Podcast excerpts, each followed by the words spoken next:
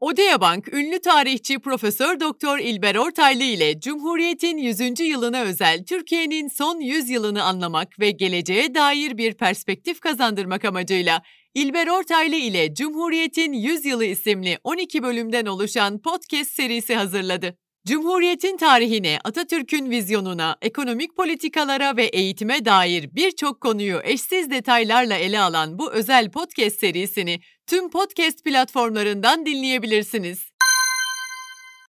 İçe dönük olmak biraz kötü şöhretli bir kavram özellikle bazıları için. Bir kişiyi düşünelim. Bu kişi genellikle evden çıkmayan, yalnız başına vakit geçirmeyi seven, bir yere gideceği vakitte yalnız başına giden, yalnız başına sinemaya giden, yemek yiyen birisi olsun. Bu durum bazı insanların tuhafına gidiyor çünkü kafada şöyle bir algı oluşmuş. Bir yere mi gideceksin? Biriyle gidersin. Sinemaya mı gideceksin? Bir arkadaşınla sinemaya gidersin. Dışarıda yemek yiyeceksen bir arkadaşınla yemek yersin. Veya boş zamanın mı oldu?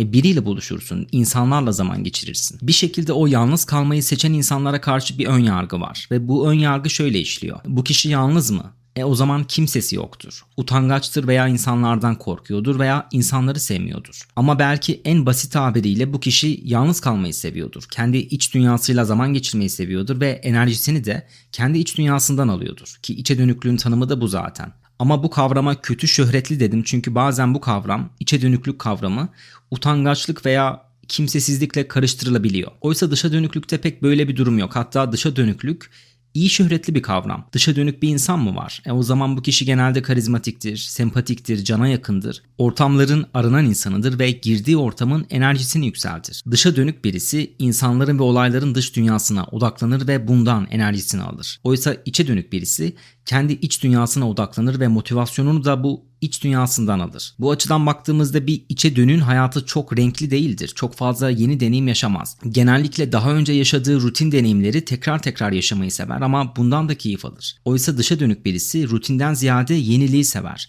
Yeni insanlar tanımak ister, yeni olaylar yaşamak ister ve daha önce denemediği bir şey yapmak onun hoşuna gider. Bir içe dönün ve bir dışa dönün kendini deşarj etme mekanizması da farklı.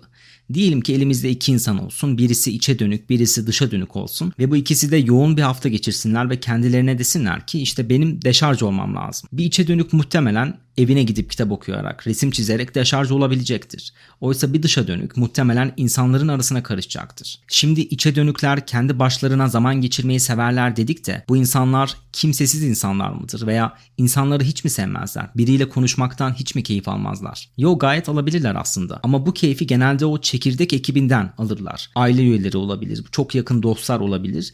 Çevresini çok fazla geniş tutmaz ama o az ve öz arkadaşlarından genelde keyif alır. Peki içe dönükler utangaç mıdır? Tuhaftır ki dışarıdan baktığımız vakit karşımızda bir içe dönük bir de utangaç bir kişi olduğu zaman ikisi birbirine dışarıdan benziyor. Ama fark daha çok içeride yatıyor. Utangaç birisi insanların arasına karışmak ister, kendini ifade etmek ister ama o korkusunu yenemez, o cesaretini kıramaz ve endişeli bir hali vardır. Oysa içe dönük birisi genellikle o yalnızlığından razıdır. Bir iç huzura sahiptir içe dönük birisi. Oysa o utangaç kişide o iç huzuru pek göremeyiz. Şimdi elimizde iki kavram var. İçe dönükler ve dışa dönükler ve bunlar zıtlık içermekte. Peki illaki bu iki kavramdan biri mi olmamız gerekiyor? İllaki ya içe dönük ya da dışa dönük mü olacağız? Ortalarda olamaz mıyız? Ya da mesela şöyle bir şey diyemez miyiz?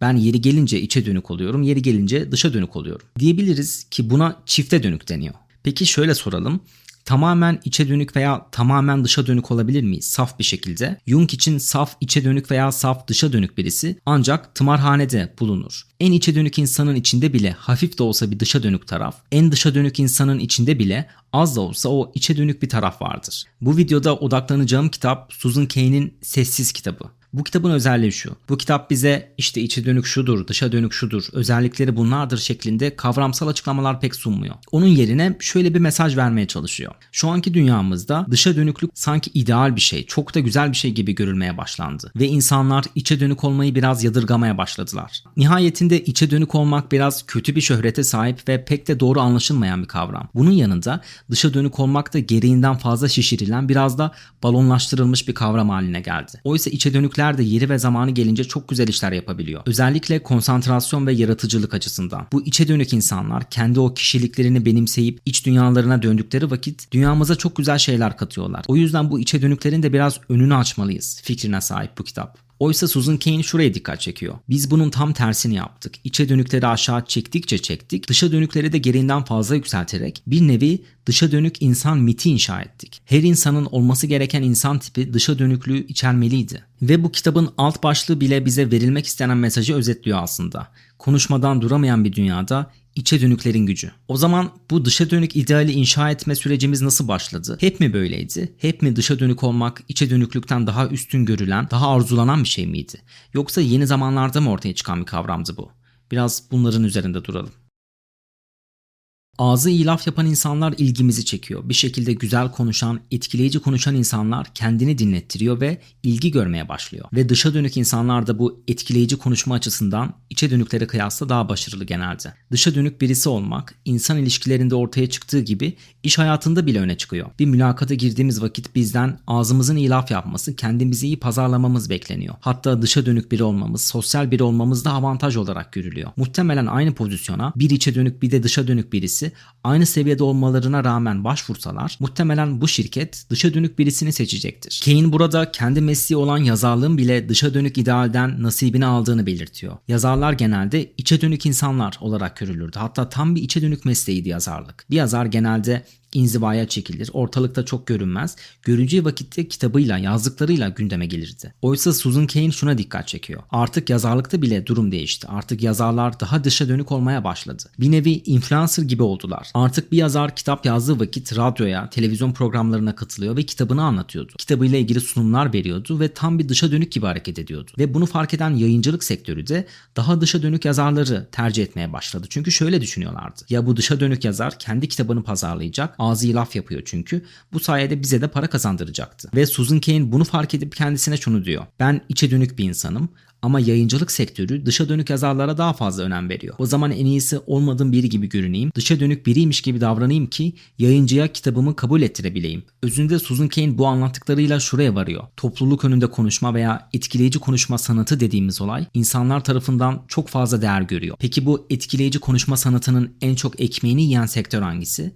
Kişisel gelişim. Ama tuhaftır ki kişisel gelişim 19. yüzyılda etkileyici konuşmaya bu kadar önem vermiyordu. Susan Cain kitabında bize 19. yüzyılda çıkan kişisel gelişim kitaplarında en çok tekrarlanan kelimeleri gösteriyor ve bu kelimeler şu şekilde. Vatandaşlık, vazife, iş, dürüstlük, ahlak.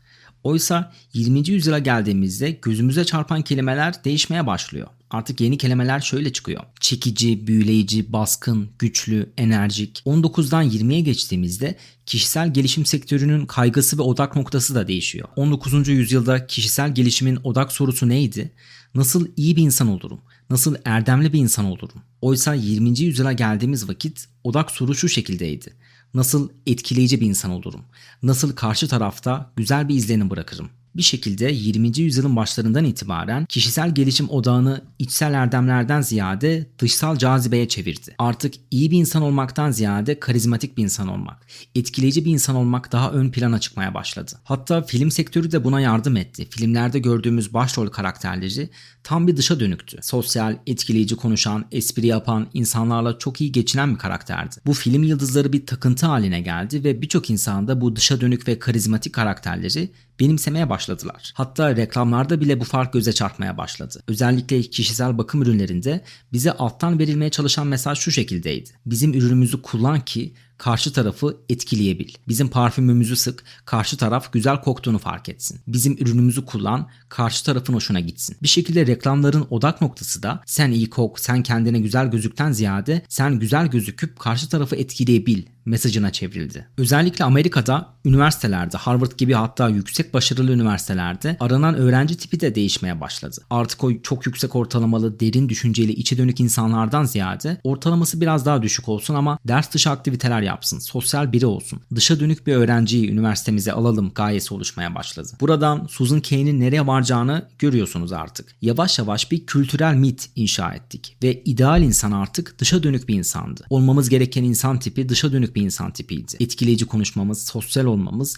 içimize kapanmamamız ve hep dış dünyayla bir ilişkide olmamız gerekiyordu. Artık herkes bir satış elemanıydı ve günün sonunda kendisini satıyor, kendisini pazarlıyordu. Dışa dönük ideal yükseldi de yükseldi. Peki gözden kim düştü?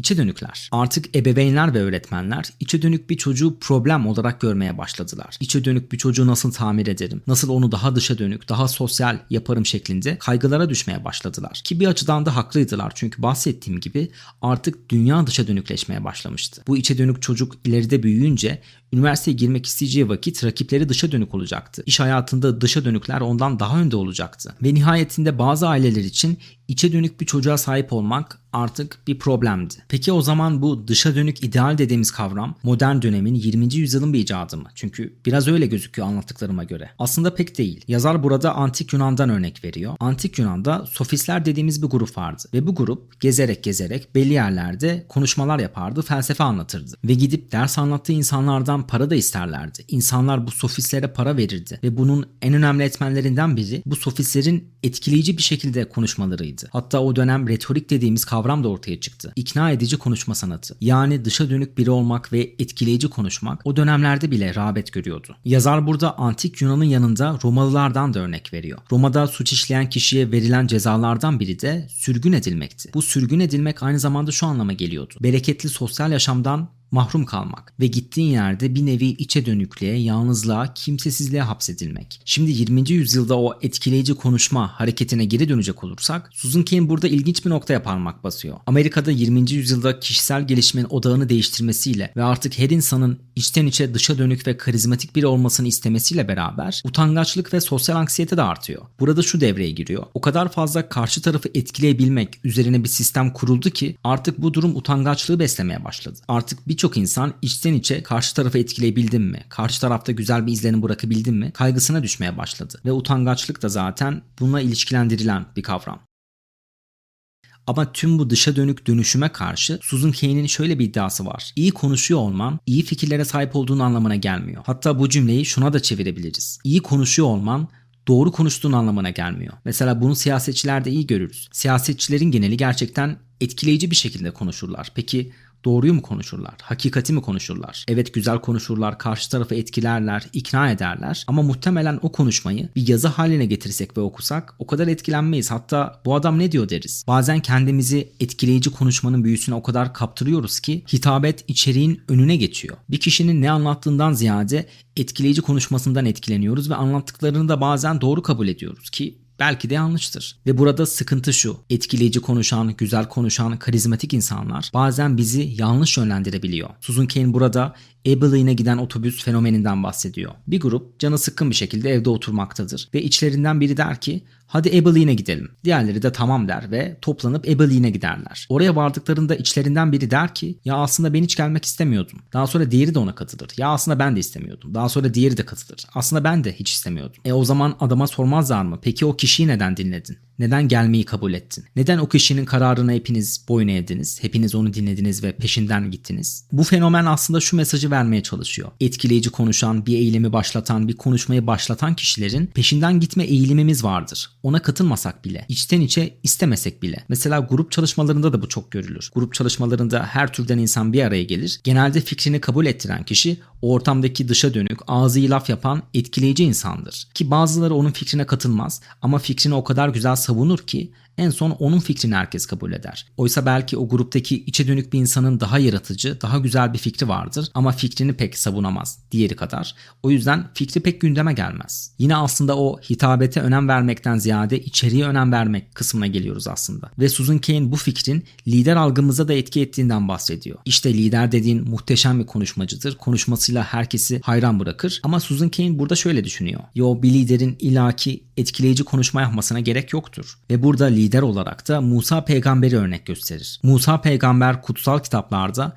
kendini ifade etmekte zorluk çeken, etkileyici konuşma becerisinden yoksun biri olarak karşımıza çıkar. Ama bu durumla nasıl başa çıkmıştır? İfade becerisi daha yüksek olan Harun'u kardeşini yanına alarak. Susan Cain Musa peygamber örneğiyle şunu söylemeye çalışıyor. Normalde öyle bir algı oluşturduk ki şöyle düşünüyoruz. Bir liderde her şey olmalı. Etkileyici konuşma, zeka, karizma, aklınıza gelebilecek tüm üstün özellikler. Oysa Susan Cain gayet eksikleri olan bir insanın bile lider olabileceğinden bahsediyor. Ve Susan Cain'in dikkat çektiği başka bir noktada eksiğini başka biriyle kapatan bir lider. Musa peygamberde içerik vardır, Harun'da hitabet vardır ve birbirini tamamlayan bu iki kavram bir araya geldiğinde daha da güçlenirler. Susan Cain'in verdiği başka bir örnekte Steve Wozniak, Steve Jobs mesela. İçe dönük dışa dönük ilişkisi. Steve Wozniak tam teknik bir adam. Yalnız başına çalışmayı seviyor ve yaratıcılığını da o yalnız başına çalışmaktan besliyor. Oysa Steve Jobs'ta çok öyle teknik bir taraf olmasa da iyi bir pazarlamacı, iyi bir konuşmacı. Bir şekilde içe dönük ve dışa dönük bir araya geldiği vakit çok daha güzel işler yapabiliyorlar. Buna dikkat çekiyor aslında. Beraber hareket ettikleri vakit birbirlerinin açığını kapatıyor ve böylece daha da güçleniyorlar. Dışa dönük insanların üstün özelliği olarak genelde iyi bir konuşmacı olmaları ve insanları bir araya getirebilmelerinden bahsettik. Ve Susan Cain için içe dönüklerin de özel bir gücü var aslında. Ve bu güç konsantrasyon ve yaratıcılık açısında ortaya çıkıyor. Kendisi dünyamıza değer katan birçok yaratıcı insanın, bilim adamı olsun, sanatçı olsun aslında içe dönük tarafı baskın tipler olduğuna dikkat çekiyor. Çünkü bir şekilde yalnız çalışabilmek, yalnız konsantre olmak ve kendi hayal gücünün sınırlarını zorlamak yaratıcılığı ortaya çıkarabilen bir şey. Dışa dönükler genelde grup çalışmalarında başarılı oluyorlar çünkü insanları iyi idare ediyorlar. İnsanları bir araya getirebiliyorlar. Ama Susan Cain şuna dikkat çekiyor. Grup çalışmalarında o kadar da yaratıcı fikir ortaya çıkmıyor. Dediğim gibi genelde dışa dönük ve girişken kişi kendi fikrini kabul ettiriyor. Diğerleri de ona uyum sağlıyor. İçe dönük ve belki de yaratıcı bir fikri bulunan bir kişi ya fikrini savunmaktan çekiniyor ya da dışa dönük kişinin fikrini kabul ediyor. Oysa yalnız başına olduğu vakit seni engelleyecek, senin fikrine karşı çıkacak veya alternatif fikir sunacak biri yok. Tamamen kendi hayal gücüne emanetsin ve bu durumda çok yaratıcı fikirler de çıkabiliyor. Ve Susan Cain iş hayatında dışa dönük idealin yükselmesiyle beraber yalnızlığın getirdiği yaratıcılığın pek önemsenmediği ve grup çalışmalarının gereksiz bir şekilde abartıldığından bahsediyor. 90'ların başında Amerika'daki şirketlerin politikalarında bir değişikliğe gidiliyor. Artık bir iş takım halinde yapılacak. Grup çalışmaları olabildiğince artırılacak. Hatta bu durum artık şirketlerin mimarisini de etkilemeye başlıyor. Artık kimsenin özel bir odası yok. Herkes büyük masalarda beraber birlikte çalışıyor. Ama Susan Cain şirketlerin bu kolektif politikasını bir işi illa beraber yapalım, takım halinde yapalım fikrini eleştiriyor. Çünkü şuna dikkat çekiyor. Bazen yaratıcılık yalnızlık ister. Hatta çoğu zaman yalnızlık ister. İçe dönükler işte bu kısımda, bu yaratıcılık kısmında devreye giriyor. Dışa dönükler için ne dedik? Grup çalışmalarında etkili ve iyi bir konuşmacı, iyi bir iletişimci. İçe dönükler de yaratıcılık kısmında ortaya çıkıyor. Bir beste yapmak, bir resim çizmek, bir senaryo yazmak ya da bir fikir bulmak genelde insan yalnız olduğu vakit ortaya çıkıyor. Ama dışa dönükler yalnız çalışmayı pek sevmiyorlar. Yalnız kalmayı da sevmiyorlar. Grup çalışmalarını genelde tercih ediyorlar. Oysa içe dönükler yalnızlığa ve yalnız çalışmaya bayılıyor ve ve bu yalnızlık onlara yaratıcılık açısından bir güç de veriyor. O biraz önce bahsettiğim yaratıcı insanların genelde içe dönük olması da bununla ilgili. Çünkü yalnız başına çalışabiliyorlar. Bu bir külfet gibi gelmiyor. Ve Susan Cain bu maksatlı pratiğin yalnız başına gerçekleşen bir şey olması gerektiğinin altını çiziyor. Çünkü bizim üretkenliğimizi ve yaratıcılığımızı en çok etkileyen şeylerden biri başka birisi tarafından bölünmek. Ve grup çalışmalarında genelde böyle oluyor. Başka biri tam konsantreye geçeceğin vakit seni bölüyor. Şöyle yapalım böyle yapalım diyorsun. Karar değiştiriyorsun. Tam o konsantrasyon evresine giremiyorsun. Oysa yalnız kaldığı vakit insan çok güzel konsantre olabiliyor. Çok güzel yaratıcılık da gösterebiliyor. Özünde Susan Cain bu kısımda şunun altını çiziyor. Yalnız başına konsantre bir şekilde çalışabilmek her insanın yapabileceği bir şey değildir. Oysa yaratıcılığa çok fazla kapı açan bir şeydir ve içe dönüklerde çok başarılı olabiliyorlar. Bunun altını çizmeye çalışıyor. Hatta artık şirketler de bunu yavaştan anlamaya başladı. O açık ofis tasarımından ziyade artık inzivaya çekilecek bireysel odalar hazırladılar ki bir kişi kendi başına bölünmeden çalışmak isterse isterse gidip orada çalışabilsin.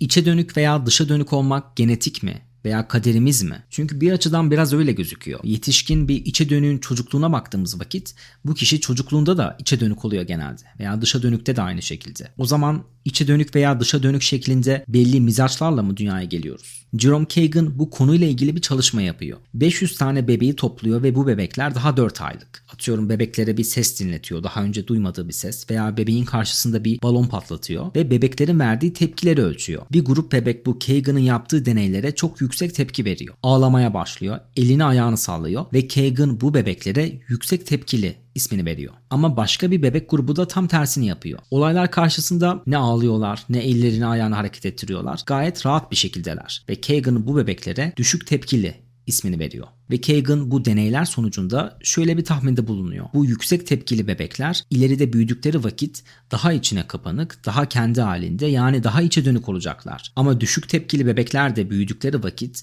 rahat, özgüvenli, sosyal ve dışa dönük insanlar olacaklar. Daha sonra bu düşük ve yüksek tepkili bebekler takibe alınıyor ve üzerinden bayağı bir zaman geçiyor ve bir bakıyorlar ki Kagan'ın tahmini gerçekten doğru çıktı. Yüksek tepkili bebekler gerçekten daha içine kapanık, daha içe dönükken düşük tepkili bebekler ise daha sosyal, daha aktif ve daha dışa dönük insanlar olmuşlardı. Ama bu deneyde ilginç bir mevzu var. Çünkü içe dönüklük ve dışa dönüklüğü ayırırken genelde insan parametresini kullanıyoruz. İnsanlarla kaynaşmayı seviyor mu yoksa kendi halinde mi takılmayı seviyor? Oysa bu deneyde Bebeklere insan göstermiyorlar. Sadece yeni bir şey gösteriyorlar. Daha önce alışkın olmadıkları, daha önce maruz kalmadıkları bir şey gösteriyorlar. Burada aslında yenilik dediğimiz kavram devreye giriyor. İçe dönük olacak bebekler yeniliğe karşı hassas ve tepkili. Oysa dışa dönük bebekler yeniliğe karşı rahat ve kabullenici. Bu aslında başta bahsettiğim içe dönük insanlar yeniliği, çok fazla yeniliği sevmezler. Aynı olayları tekrarlamak isterler ama dışa dönük insan yenilik ister. Farklı insanlar farklı olaylar ister. Fikriyle örtüşüyor bu deney.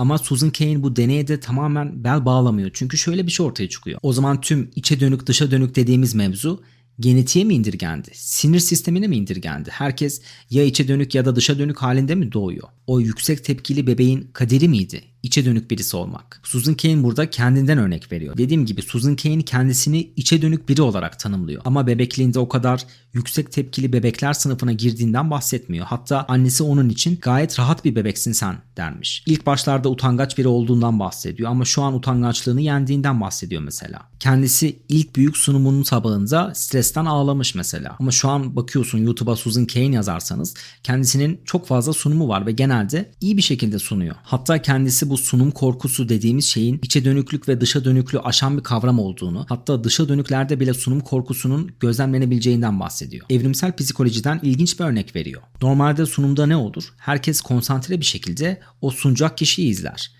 çok önceye atalarımızın yaşadığı o ilk çağ zamanlarına gidersek biri tarafından konsantre bir şekilde izlenmek ne anlama geliyordu? Diyelim ki ormanda dolaşıyorsunuz ve birisinin konsantre bir şekilde sizi izlediğini fark ediyorsunuz. O zamandaki insan için bu çok tehdit içeren bir durumdu. Çünkü o canlı muhtemelen vahşi bir hayvandı ve konsantre olup hızla koşup o kişiyi öldürecekti. Ve o zamanlarda bize doğru dik dik bakan birine karşı ne yapardık? USB'm var sunum yapayım demezdik. Ya kaçardık ya da savaşırdık. Bir tehdit içeren bir durumdu biri tarafından izlenilmek. Yani Susan Cain burada şunu söylüyor. O sunum korkusu da o kadar absürt bir korku değil gayet normal bir korku. Çünkü o izlenilme korkusu evrimsel bir altyapıya sahip. Ve şu an modern zamanda tam tersi performans göstermemiz bekleniyor. Normalde eski zamanlarda biri seni izliyorsa ya savaşırdın ya kaçardın. Şu an biri seni konsantre bir şekilde izliyor ve ona sunum yapman gerek. Hatta bu sunum korkusunu yenmek için metodlar da ortaya çıktı. İşte sunum yaptığın kişileri çıplak hayal et diye ki ortamın o kasıntı gerginliği gitsin. Ki bu bence daha korkunç bir şey. Eğer gerçekten güçlü bir hayal gücünüz varsa sizi bir grup çıplak insan konsantre bir şekilde izliyor. Bu daha korkunç. Yine de şu an bu modern dönemde etkileyici bir konuşma yapmak veya etkileyici bir sunum yapmayı hepimiz istiyoruz ve istesek de istemesek de karşımıza çıkıyor. Okul hayatında sunum yapıyoruz, iş hayatında sunum yapıyoruz.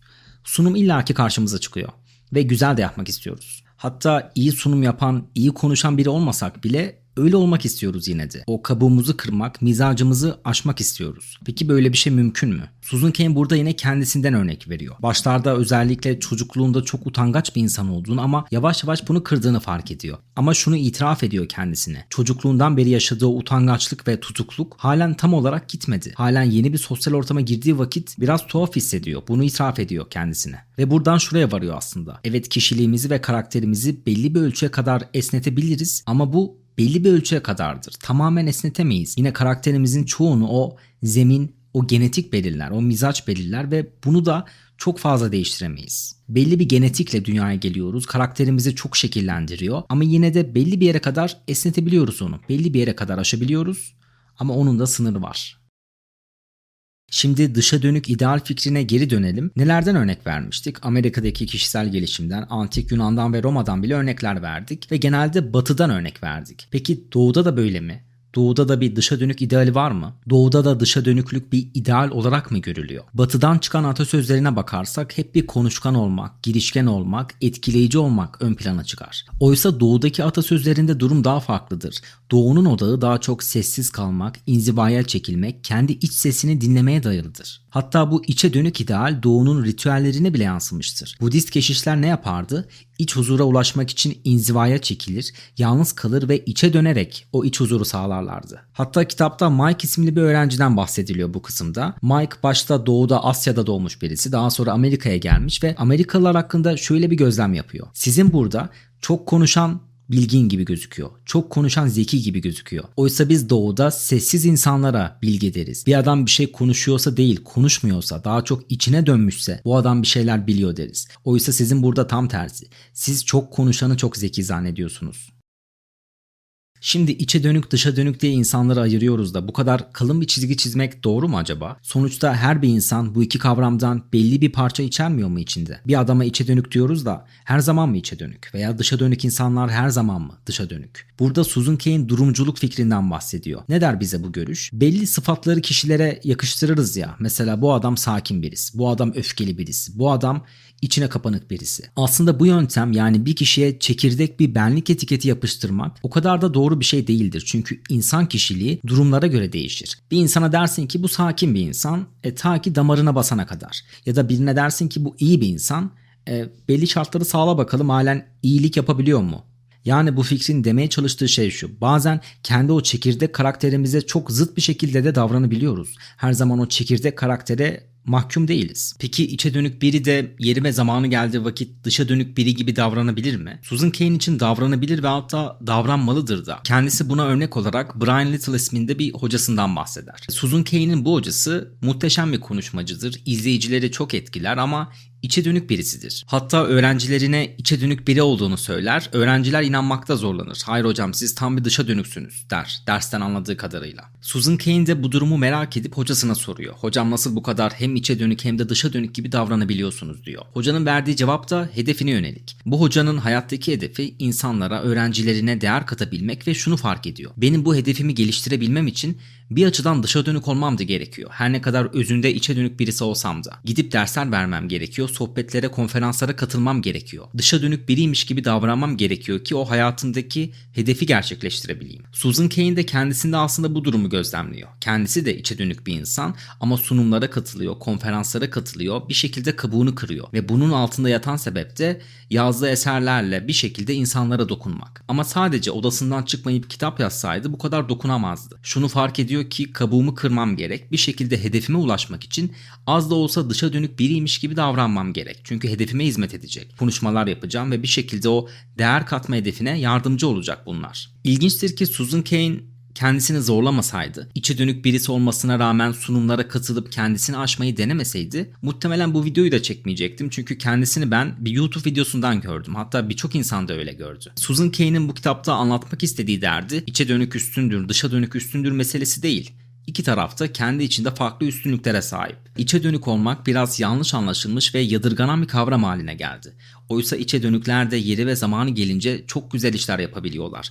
Onların da kendilerine has bazı becerileri var. Bunu fark etmemizi istiyor. İçe dönük bir insan olmayı da normalleştirelim diyor aslında. Ama içe dönüklere de şunu diyor. Yeri ve zamanı gelince hayat sizden dışa dönük biriymiş gibi davranmanızı isteyecek. Özellikle bir hedefe yürüyorsanız o vakit kabuğunuzda kırmak gerekiyor. Tıpkı kendisinin yaptığı gibi. Bir dışa dönük kadar etkili bir iletişim beceriniz olmasa da kendinizi biraz zorlamanız gerektiğini söylüyor. Çünkü hayatındaki hedefler seni bir şekilde sunum yapmaya, insanlar arasına katılmaya teşvik edecek. Yorumlarda belirtin siz kendinizi hangi tarafta görüyorsunuz? İçe dönük tarafınız mı yoksa dışa dönük tarafınız mı daha baskın yoksa ortalarda bir yerde misiniz? Ben kendimi daha çok ortalarda görüyorum. İçe dönük olmanın dışa dönük olmanın hangi sıkıntılarını yaşadınız veya hangi faydalarını gördünüz? Bunları da belirtin. Öyle yorumlarda buluşalım. Kendinize de iyi bakın.